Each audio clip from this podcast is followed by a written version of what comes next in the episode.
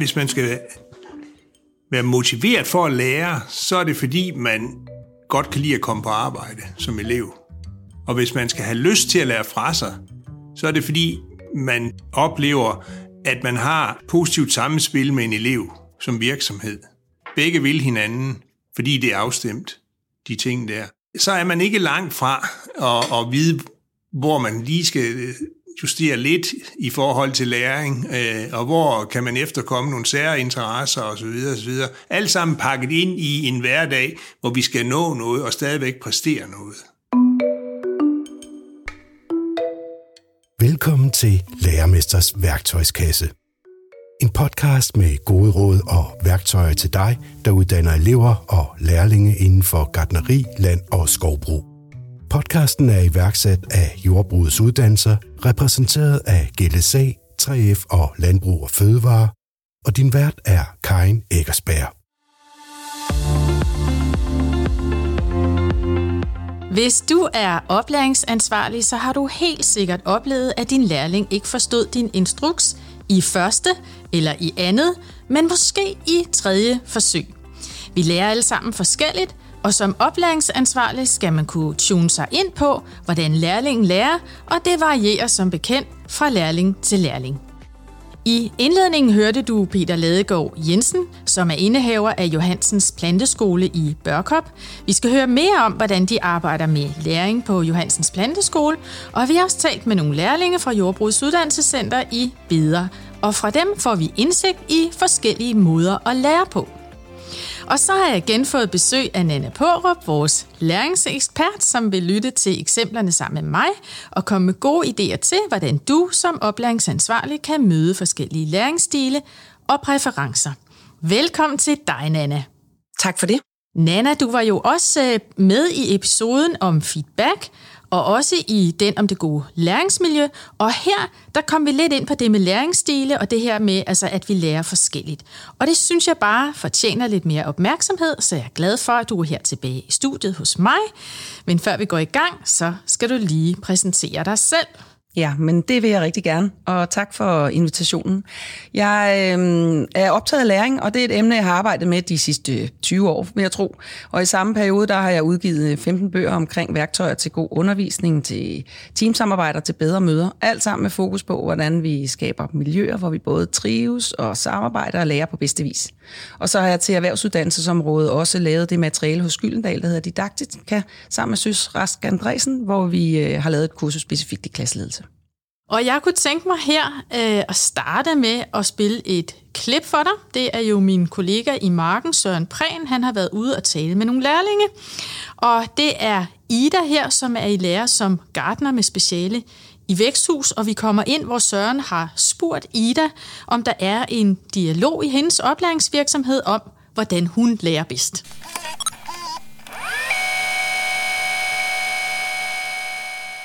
Nej, Altså, det er der ikke ude ved mig.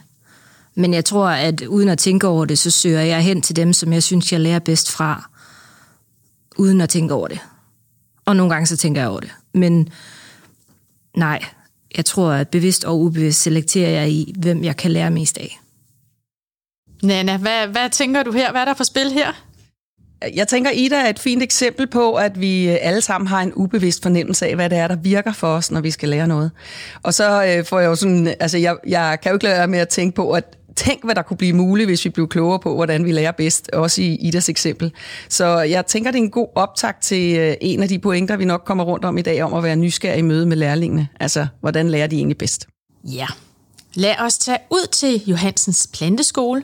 Det er en virksomhed med 25 ansatte og hele tiden 1-2 lærlinge. Her er det Jette Post, som har ansvar for HR, og Anders Vadstrup Sørensen, som er produktions- og oplæringsansvarlig. Jamen, jeg oplever, at vi har et stort fokus på at udnytte de øh, kompetencer, øh, den enkelte har for at få det bedst muligt ud af den enkelte lærling. Og det er jo Anders og øh, hans team ude i marken, der i hverdagen har det fokus. Øh, hvor bevidst det er, ved jeg som end ikke, men, men det er jo en fornemmelse, en, det at kende mennesker, øh, der gør, at de ved, hvordan de skal få den enkelte lærling til at præstere. Der kan være en, der gør det bedst ved at få tingene vist på forhånd. Der er en, der gerne vil direkte ud i marken og få det, få det vist på stedet, og ikke så meget forklaring på forhånd. Og der vil være nogen, der i langt højere grad har lyst til at sætte sig ned og læse om tingene og, og supplere deres, øh, deres praktiske viden med noget teoretisk viden. Nu er vi på vej over i vores øh, produktion. Vi kommer først ind i vores øh, pakkeri herover og vores lagerfaciliteter. Og de elever, der kommer herud, hvad er det, de skal lære? Jamen, de skal jo lære alt omkring planteskoledrift, for at sige det. Øh, vi har jo en plan for, hvad de skal igennem i løbet af, af en læretid hos os, så de skal jo lære alt lige fra at have med maskiner at gøre, traktor til øh, plantekendskab til sygdomme og skadedyr. Øh, så skal de have noget med sortering at gøre, kvalitet at gøre, de skal have noget med pakke. Som leder er den fornemmeste opgave jo at kende sine medarbejdere. Og det, øh, når man får en ny elev, jamen, så skal man jo lynhurtigt lære vedkommende at kende. Men allerede de første samtaler, man har, kan man jo finde ud af at, at ligesom finde en personlighed på, på vedkommende. Det er jo en ubevidst øh, ledelses... Øh, stil, at man, man afkoder alle mennesker, øh, og så tilpasser man jo sin, sin snakke med det enkelte menneske. Øh, og elever skal jo hjælpes øh, på rigtig mange områder, og, og øhm, så tager man sig jo tid til det. Vi har øh, lige nu en elev, som øh, rigtig gerne vil fordybe sig i nogle ting øh, og læse øh, om tingene og tilegne sig teoretisk viden, spare med øh, elever og, og undervisere på skolen, men også herhjemme i virksomheden. Hun går ind til, til Peter, til vores øh, direktør, og sparer med ham omkring øh, noget teori også. Og så laver hun sine praktiske forsøg. Øh, så, så det er den ene måde at gøre tingene på. Og så har vi andre kolleger, som, øh, som vi slet ikke skal bede om at læse noget på forhånd, men som bare skal have tingene imellem hænderne, og så får det til at ske. Nana, det vi får indblik i her, det er jo nogle gode eksempler på læringsstile. Ja, det er det. Der er nogle fine eksempler på det, og jeg tænker, at vi kan tale om fire veje til læring her. Vi lærer visuelt, auditivt, kinestetisk og taktilt. Og det betyder, at læring sker ved, at vi bruger vores sanser. Så dem, der primært lærer visuelt, de foretrækker at få nyt stof gennem synet. Altså de skal se det eller læse det. Hun snakker om den der teoretiske forberedelse, der ligger til optakten i, øh, i indslaget. Øh, de skaber nogle indre billeder af det, der kommer til at ske i forhold til det, som de er i gang med at lære. Dem, som har præference for at lære auditivt, de bruger hørelsen. De foretrækker at lytte, og faktisk også ofte til sig selv. Øh, de er vilde med instruktioner, podcast, lydfiler. De lærer rigtig godt, når de hører det, men de lærer også rigtig godt, når de skal sige det højt, som de er i gang med at lære. Og så det kan både være i det, jeg skal om lidt, eller det, jeg har lært af. Så øh, hver gang der kommer ord på, så ved vi, at der sker noget i øh, hjernen for dem, der særligt lærer godt auditivt. Så er der også dem, som øh, lærer godt kinestetisk, og øh, det er gennem kroppen. Så de skal bevæge sig, de skal mærke det, og de skal have det ind igennem kroppen. Mens de taktile, de har fingrene i gang, så de skal røre ved tingene.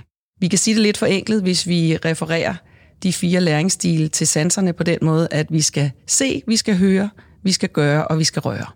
Så Hvordan du tilrettelægger det, du gør derude, det skal du øh, tænke ind med afsæt i den viden. Altså, så når, nu har vi haft nogle eksempler, hvor de refererer til, at det foregår ubevidst, men i virkeligheden kan vi godt lige gå over og være lidt bevidste om, hvad det er, der er på færre her. Det tænker jeg, vi får nogle bedre undervisningssituationer eller læringssituationer ud af. Men hvis vi nu tager den elev, som øh, øh, godt kunne lide at læse og sådan noget, det, ja. det var så et billede på at være øh, visuel, ja. altså det her med at få det ind gennem synet og sådan noget. Øh, og det med hørelsen, det, det er også ligesom det. Men, men hvad er forskellen på det her med røre og gøre? Altså forskellen er, at øh, kinestetikeren, modsat den taktile, har hele kroppen i spil. Den taktile, det er, forskellen kan man se, at hvis du, øh, hvis du nu forestiller dig, at der ligger en bold på bordet, så vil kinestetikeren tage bolden, og så vil den kaste den, fordi så kommer hele kroppen i spil, hvor den taktile måske bare sidder med den i fingrene og lige mærker på den og nuller den lidt. Så det er noget med, om det er store bevægelser eller små bevægelser. Altså, men vi skal have det ind gennem kroppen. Øh, man kan sige, det er to veje, der ligger lidt tæt op ad hinanden, men røre gør, og det er der jo mange af dem, der er i elevområdet eller lærlinge, som virkelig godt kan lide. De vil ud og have fingrene ned i jorden, eller ned i maskinen, eller ud og prøve det af i praksis. Jeg synes, der er en anden vigtig ting, der kommer frem i klippet. Anders han taler om at ville hinanden, at det er sådan en ubevidst ledelsesstil. Og det talte deres direktør Peter også lidt om i indledningen. Men Anna, hvordan, hvordan tuner man sig ind på hinanden? Altså, hvordan finder man ud af, hvad det er for en, en lærling, man står overfor? Altså, jeg tænker jo, at det øh, handler om at være nysgerrig. Altså, ligesom i mange af de andre øh, situationer, når man skal have en, et godt samarbejde med nogen, så må vi simpelthen lære det her menneske at kende, som, øh, som vi er i gang med at arbejde med. Når man arbejder med læringsstilene, så kan man ofte som den, der er den oplæringsansvarlige, have en tendens til at, at bruge den kanal, man også selv foretrækker. Så det med at opdage, hvor jeg står faktisk over for en anden, som øh, hvis jeg nu selv godt bare kan lide at komme ud og få fingrene i dejen, så skal jeg jo lige opdage, at jeg faktisk har med en lærling at gøre, som gerne vil læse om det inden. Ellers så har jeg en tendens til bare at gøre det, og så har jeg jo i virkeligheden ikke hjulpet min lærling bedst på vej. Så, så nysgerrigheden på simpelthen bare stille spørgsmålet, hvad virker for dig? Og jeg tænker, der vil være nogle lærlinge, som kan svare på det, og som godt ved det, og så vil det være andre, for hvem det er nyt at blive øh, stillet det spørgsmål. Så, så der vil jo være en større opdagelsesrejse for begge parter i det. Ja, så det er noget med at være nysgerrig hele tiden ja. på, hvad fungerer her, og, ja. Ja, og så tale om det også med lærlingen. Ja. Og mm. også den løbende opfølgning, altså fordi det er jo, det tænker jeg er noget af det mest centrale, når man står i det, så at man simpelthen lige, om man tager en time out, eller holder en pause, eller runder dagen af med lige at evaluere på, hvordan det så er gået. Hvad virkede egentlig bedst af det, vi gjorde i dag, er jo også en vej til at blive klogere. Godt. Så lad os prøve at tage et eksempel, som vi kan snakke ud fra. Her er det først Ida, som er i lære som gartner med væksthus som speciale, og bagefter er det Isabella. Hun er også gartnerlærling, men hun har så planteskole som speciale.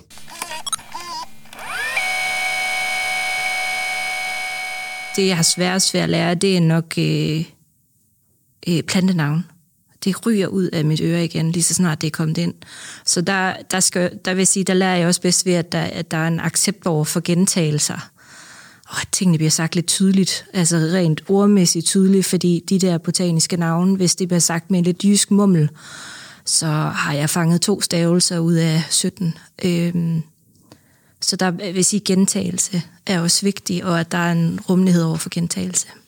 Jamen, at, øh, at man bliver ved med at sige plantens navn, dens fulde navn, eller det navn, man skal bruge, at man ikke bare siger, gå hen og hent den røde. Øh, at, at, at simpelthen, at, at de ord, vi bruger, bliver brugt igen og igen og igen, og det er okay, man så siger, jamen, åh, hvad var det nu for en narcissist? Nå, men okay, det er den der, sådan, at man kan veksle mellem øh, de gængse danske navne, og så de botaniske navne, så man kan få lov til at få lidt hjælp den vej hjem. Jeg lærer bedst med sådan en, en kombination jo Øhm, det skal jo være flere sanser i spil, og der er det også tit. Øhm, så man kommer ud, man rører ved det, og så øh, går man og tænker over det, og så bygger man lige så stille videre på det. Og nogle gange så er der, øh, altså får man, får man hjælp til at bygge videre på det, så er der nogen, der ved noget om det. Andre gange, så er der ikke nogen, der ved noget om det. Og så, så griber man den selv, hvis, hvis interessen er der. Men øh, hands-on, det, det virker jo bare. Sådan er det.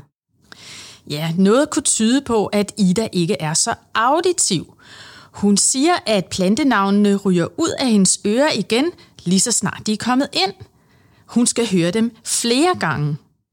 Ida, hun ved godt, at hun har brug for gentagelsen i det her klip, og det er helt centralt, når vi skal lære noget. Altså, hvis ikke vi får repeteret og gentaget, så får vi ikke flyttet vores nye viden fra korttidsudkommelsen til langtidshukommelsen. Og øh, hvordan gør vi så det? Altså, jeg har sagt det igennem repetition, men hvordan repeterer man faktisk på en god måde? Der er nogle undersøgelser, der viser, at det, vi kan kalde vinduet for læring, det lukker ned efter 4 til fem dage. Så hvis vi ikke har genbesøgt det nye stof inden for den tid, så føles det lidt som at starte forfra, når vi kigger på det igen. Og genbesøgt, altså der mener du med, hvis vi har trænet det der med narcissis, øh, så skal vi have talt om det igen, ja. inden der er gået 4-5 dage. Ja, og man kan sige, hvis vi skal være sådan endnu skarpere på, hvad gør man, hvis man virkelig skal lave god repetition, hvad gør man så, inden de der 4-5 dage er gået? Så har de lavet noget forskning på MIT, hvor de har fundet ud af, at man skal repetere efter det, de kalder 10-24-7-reglen. Og det betyder efter 10 minutter, efter 24 timer og efter 7 dage.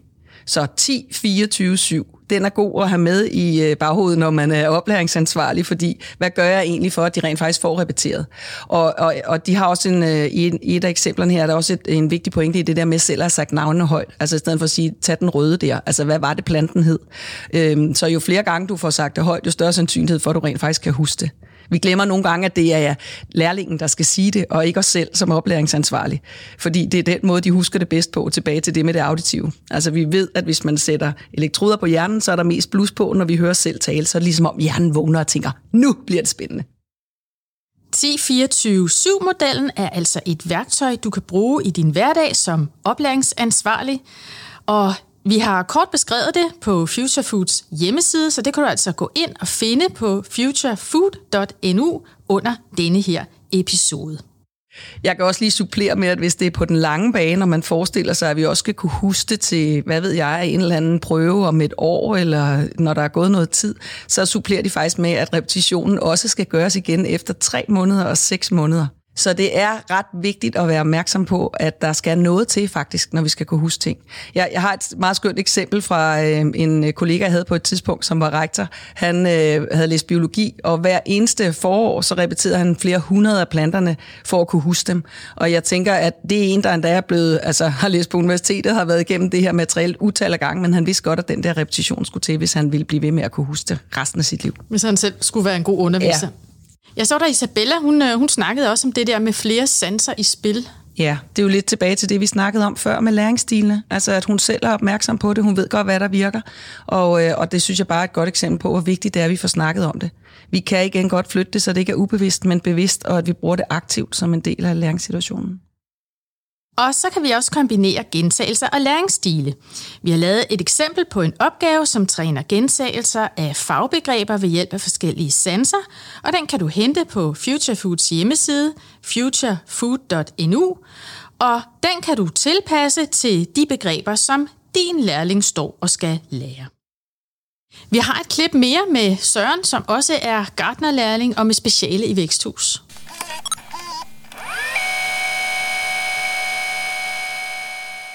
Det er bare bygget på tillid, øh, at man får vist en opgave, og så har de tillid til, at, at jeg kan finde ud af at løse dem, og jeg kan også få lov til at eksperimentere, og jeg har kunne få lov til at, at, at faktisk langt hen ad vejen køre mit eget løb. Øh, og det har jeg også gjort, og jeg har også gået over grænsen, øh, men det faldt vi os ud af, men det skal prøves. Men det er jo i forbindelse med noget med, med at afhærde nogle planter og så videre, så, så prøvede jeg at se, hvor, hvor, hvor hårdt jeg kunne gå til, hvis man siger det på den måde. Og alting har jo en grænse, øh, og den fandt jeg. Øh, men det var ikke noget problem, det var mere sådan en, en anerkendelse af, okay, det, det er godt, du har prøvet, men, men nu har du nået den, og så ved vi det, og så skal du ikke gå over den en gang til, og så lader man selvfølgelig være med det. Så, så jeg har fået meget stor frihed øh, til at, at, at kunne prøve ting af, for at se, hvad planterne kunne holde til, og det har været sjovt. Jeg lærer bedst ved at, at, at få lov til at gøre det, altså have det imellem hænderne, se på det. Øhm, så hellere se end at høre, kan man sige. Og jeg kan, som jeg sagde før, da jeg fik, øh, du ved, gik over grænsen med de her planter her, men der kunne jeg også godt se, at det var, det var ikke så godt. Øh, men, men så har jeg jo lært det. Altså, øh, skønt klip her. Han er jo klart opmærksom på, hvad der virker for ham, og udover at han gerne både vil røre og gøre, så tænker jeg også, at hans behov for autonomi er højt. Altså det her med, at han selv bestemmer, hvordan han går til opgaven. Og der tænker jeg igen, der skal man lære sine lærlinge godt at kende, fordi der vil være nogen, som øh, trives rigtig godt med det. Altså, at der er et stort rådrum og stor frihed til at kaste sig ud i opgaverne. Og så vil det være andre, som foretrækker, at de er blevet virkelig godt instrueret og har fået øh, viden om, hvad de skal inden. Og der vil være nogen, der har brug for en ekspert ved siden. Man kan sådan, hvis man kigger lidt forenklet på det, så er det dem, der arbejder bedst alene, dem, der arbejder bedst i par, dem, der arbejder bedst i team, og dem, der arbejder bedst med en ekspert. Så det er også sådan fire måder, man kan kigge på, hvordan fungerer man egentlig godt i læringssammenhæng. Øh, Nana, da vi snakkede om, øh, hvad vi skulle have med her i, det her, i den her episode, så øh, havde du også en sjov øvelse med at folde hænderne. Ja, lad os lige gøre det. Fold lige hænderne, det kan du også som lytter lige gøre her. Og så ja. kig lige ned på dine tommelfinger og find ud af, om du har højre eller venstre tommelfinger øverst. Ja. Og så bytter du om, så det er nu den anden folder hænderne på ny, men ja. med den anden Så jeg har venstre øverst, og nu laver jeg det om, så jeg har højre øverst. Ja, hvordan ja. føles det? Ja, det føles uh, uvandt. Ja, lidt akavet og ja. lidt sådan ikke helt dig. Og det bruger vi egentlig bare til at sige, at det er også sådan, det er, med, når man skal lære noget. Der er noget, vi har mere præference for end andet. Og det er egentlig det, vi leder efter, når vi er i dialog med vores lærlinge. Så, så hvad er den bedste vej ind i hjernen hos dem? Hvordan lærer de bedst? Vi skal jo tilrettelægge deres læringsforløb, sådan så det er, jeg vil kalde det hjernesmart, tilpasset den enkelte. Altså, hvad virker? Hvad er motorvejen ind i deres hjerne? Altså sådan så, at når vi finder ud af, hvad der virker, så vil det for den for lærlingen føles ligesom når vi folder på den måde, vi yeah. bedst kan, og hvis vi folder på den måde, vi som føles akavet, det er måske sådan et billede på, hvordan det er hvis man ikke bliver mødt som ja. lærling, altså på ens lær- ja. læringspræferencer, læringsstil. Jeg tænker, dem, der lytter med her, som har svært ved det auditive, de er jo allerede måske nu en smule udfordret af, at de lytter til os, i stedet for i virkeligheden at have noget visuelt støtte, som jeg også tænker, du ligger op til, ved der er nogle, nogle bilag eller noget støtte inde på øh, websitet, som man kan hente i den forbindelse. Fordi vi ved godt, der skal noget mere til. De vil ikke kunne huske det hele, fordi de har hørt det en gang her. Og for nogle af lærlingene, jamen så får de en besked gå ud og gøre et eller andet, og hvis vi har givet for mange beskeder på én gang, så, øh, så, så står de bagefter og tænker, hvad var det egentlig, jeg skulle? Og hjernen er indrettet sådan, at vi skal maks give tre instruktioner ad gangen i en øh, læringssituation. Faktisk hellere kun to, så hellere flytte dem, før vi siger, hvad de skal, end at give dem alle instruktionerne på én gang. Så det er også en ting at være opmærksom på. Vi er ved at være ved vejs ende, Nana, og øh, jeg vil gerne sige tusind tak, fordi du kom her ind og igen øh, fortalte om nogle øh, læringsknep, vi kan tage i betragtning, når vi arbejder med lærlingene. Tusind tak for det. Tak for invitationen. Jeg skal også sige tak til Peter Ladegaard Jensen, til Jette Post og Anders Vadstrup Sørensen fra Johansens Planteskole for at medvirke, og til de tre lærlinge Ida Børsting, Isabella Damgaard og Søren Bøjsen fra Jordbrugets Uddannelsescenter i Beder. Og her kommer så de tre ting, som jeg synes er de vigtigste pointer fra i dag. Det første, det kalder jeg for nysgerrighedens dans. Det handler om, at oplæringsansvarlig og lærling skal ville hinanden og i fællesskab være nysgerrige på, hvad der virker bedst for den enkelte lærling. Det andet, det kalder jeg for motorvejen ind i hjernen. Det er vigtigt at få alle sanser i spil, både det visuelle, altså det her med at se, det auditive, det er det her med at høre, så det kinestetiske, altså at gøre og bruge hele kroppen, og så det taktile, det her med at røre med fingrene. En af de fire er lærlingens primære præference, og det er særlig vigtigt at finde den og få den sans i spil. Det tredje, det kalder slet og ret for gentagelse.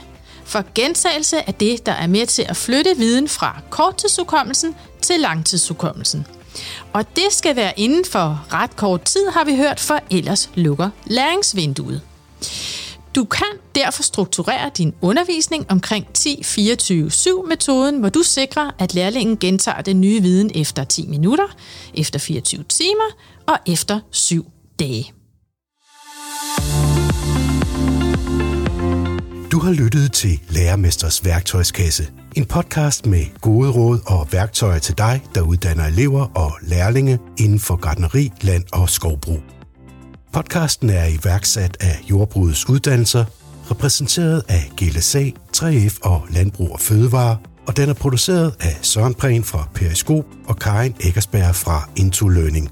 Find Lærermesters værktøjskasse og alle de gode råd, tips og tricks samt ressourcer fra de enkelte episoder på futurefood.nu, altså futurefood.nu.